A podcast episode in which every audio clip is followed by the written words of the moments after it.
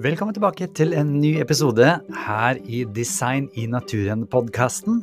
Jeg heter Chris Duve, og jeg vil bare minne deg på at du kan ta hele kurset her helt gratis med 38 forskjellige eh, informasjonsvideoer som da er lagd en podkast ut av, hvis du går inn på chrisduve.no og klikker deg inn på Design i naturen-kurset. Det finnes også et mindre kurs som heter Tre trosdyrkende fakta. Alt dette er altså gratis tilgjengelig. Men nå er det på tide med dagens episode. Vær så god.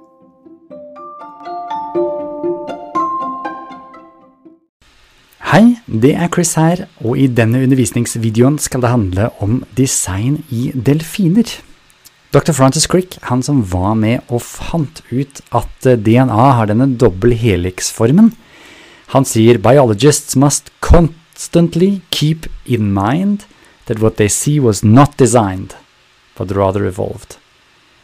Det veit jeg ikke om jeg er god vitenskap, fordi du har bestemt deg for noe på forhånd, istedenfor å være åpen for at det kan være begge deler.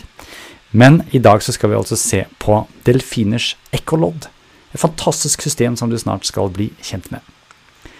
Og vi skal se hva som er den beste forklaringen på at dette finnes. For dette systemet, det finnes, det er blitt forska på. Eh, du skal altså forske litt på det nå. Eh, I den videoen som kommer, så skal du prøve å få med deg hva er det for noe dette går ut på med ekkoloddsystemet. Hva kan det gjøre? Og hva er de fire delene som ekkoloddet må kunne for at dette skal fungere?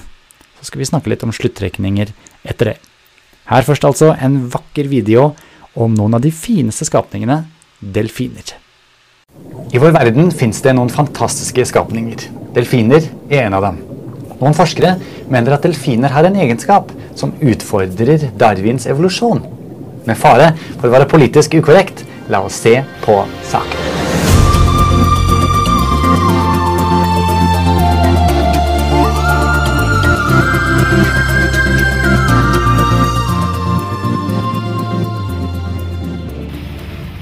En hydrofonkabel som dras gjennom havet, tar opp lydene til delfinene. Slik får vi muligheten til å forske på deres egenskaper og oppførsel. And so these dolphins are communicating to one another through their whistles, and then they've got the clicks, and the clicks are how they're finding their prey. Ekkolokasjon, også kalt biosonar, er et komplekst biologisk system Delfiner bruker det omtrent som en ubåt, som bruker ekkoteknologi for å navigere gjennom områder der det er dårlig sikt, eller der det er umulig å se. Delfinens ekkosystem fungerer slik. Dyret lager høy- og lavfrekvenslyder, som så sendes ut i havet gjennom pannen. Ekkoet blir sendt tilbake fra det det måtte treffe, og delfinens hjerne interpreterer dette og får målt objektets avstand, størrelse, plassering og hastighet. When they're chasing a fish, they'll go into a huge school of fish and they'll zero in on one fish. And they'll follow that single fish until they catch it. And, and if that fish jumps out of the water, they're right there jumping out of the water with it. Ekkolokasjon består av mange deler som har hver sine spesifikke funksjoner. I delfinen blir alle delene integrert til å forme det mest effektive ekkosystemet i verden. Delfinen puster inn og presser så luften ut fra lungene til strupehodet. Denne kontrollerer luftmengden ut til et dobbeltløp i hodeskallen som kan forsegles eller åpnes med en plugg. Når systemet åpner seg, får to sett med lydlepper tilstrømning av luft. Etterpå blir luften som kommer gjennom lydleppene, lagret i luftsekker. Når disse er fulle, blir luften presset tilbake ned til strupehodet. Det trekker seg så tilbake og gjør rom for gjenbruksluften. Så blir luften presset oppover igjen, og en ny runde med lyder kan begynne.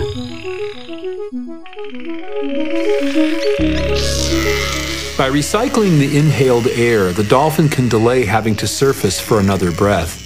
That way, it can continue to echolocate for more than 10 minutes.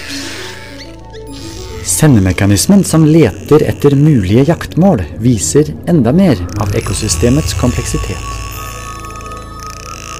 Mesteparten av delfinens panne fylles av den såkalte melonen. Gjennom denne ledes nå lyden fra leppene. Melonen er fleksibel og kan dermed fokusere lydene ut i saltvannet i form av ringformede stråler. Ekkoet blir så plukket opp av delfinens tenner og kjeve.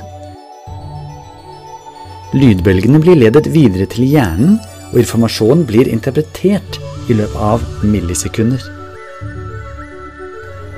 Delfinen bruker sin dataanalyse av ekkoet og lager seg et 3D-bilde av jaktmålet. Og umiddelbart vet delfinen hastigheten, formen og overflatekonsistensen til objektet. Men hvor godt fungerer delfinens ekkolokasjon? I etterprøvbare tester har delfinen vist at den kan høre forskjellen på en golfball og en bordtennisball, kun basert på ballens tetthetsegenskaper. Og delfinen kan finne fisk som har gjemt seg 15 cm under sanda. It can see inside of things. It's an amazing device. And if somebody had invented this and, and had it working as well as the dolphins, they'd make billions of dollars. Think about echolocation from a problem solving standpoint. What do you need? I've got to make the sound, number one. Number two, I've got to transmit it. I've got to get it out into the environment. All right, now I've got echoes coming back. Those have to be received, but that's not enough. I've got to process them. I've got to take that incoming information and turn it into something that I can actually use and understand. Making the sound, transmitting it, receiving it, and processing it are necessary elements of echolocation. And if you take away any one of them, let's say we take away transmission, it doesn't matter if you have the other three, you lose the system as a whole.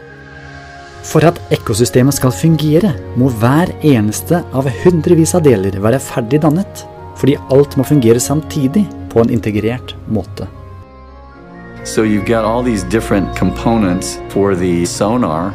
And how does the dolphin know how to use this equipment? That's where instinct comes in. They not only got the hardware, but they got the owner's manual along with it. Instinct is a set of instructions on how to use the equipment, and it has to know that from the second it's born. All of this stuff happens automatically, and it's it's perfectly set up. It, it's it's like you look at it and you say, "Of course, that's the way it's supposed to work." So it's pretty hard to believe that this all happened by chance and natural selection, especially when each individual part is meaningless without the whole. Komplekse systemer der alle delene må fungere samtidig for at det skal gi en funksjon, kan ikke oppstå gradvis. Kan de muligens være designet? Takk for din tid.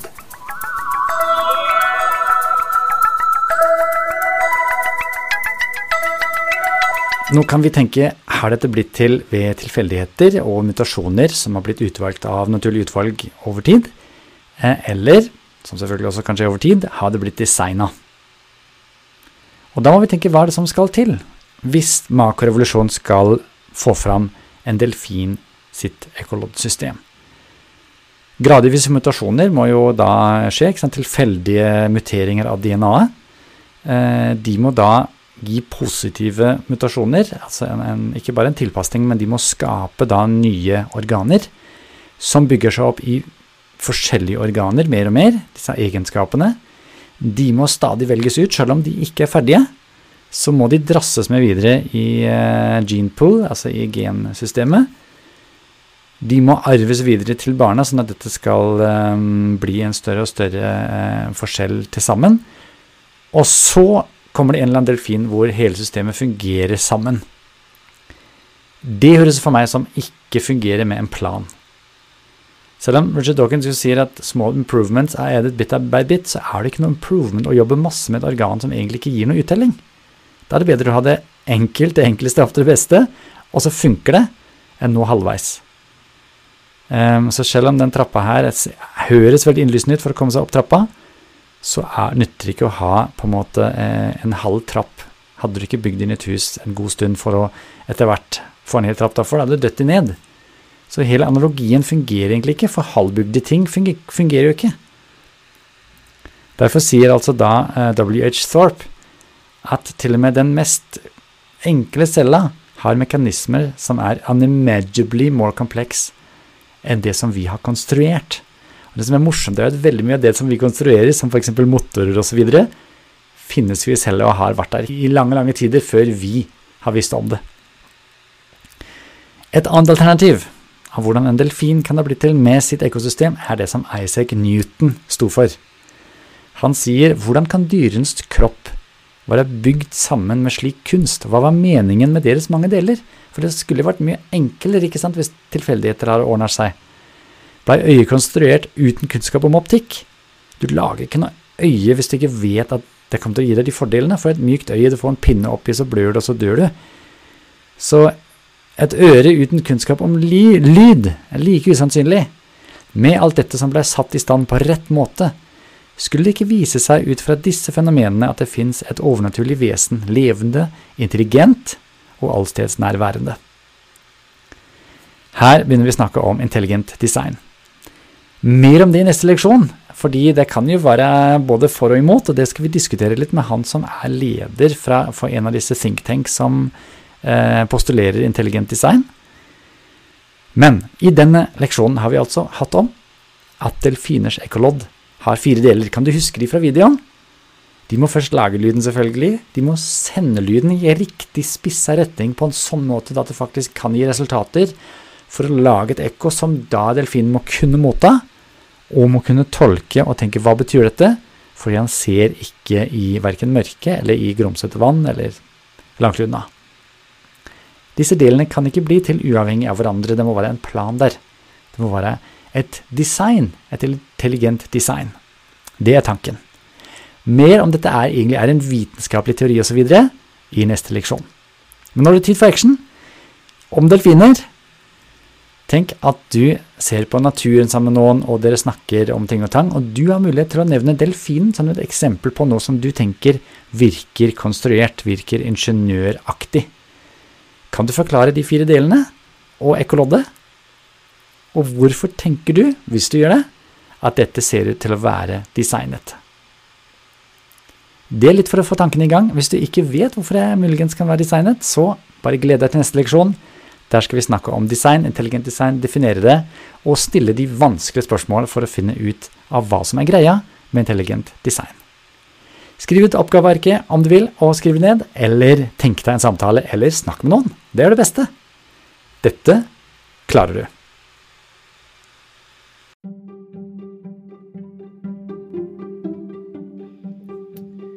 Igjen, dersom du ønsker å få tilgang til de hjelpearkene eller oppgavearkene, så er det jo fullt mulig for deg å signe opp til kurset. Da går det an å laste det ned. Hvis du går inn på chrisduve.no, så ser du all informasjonen der. Dersom du ønsker å støtte denne podkasten og annet arbeid som jeg holder på med, kan du også lese mer om det på chrisduve.no. Takk for nå.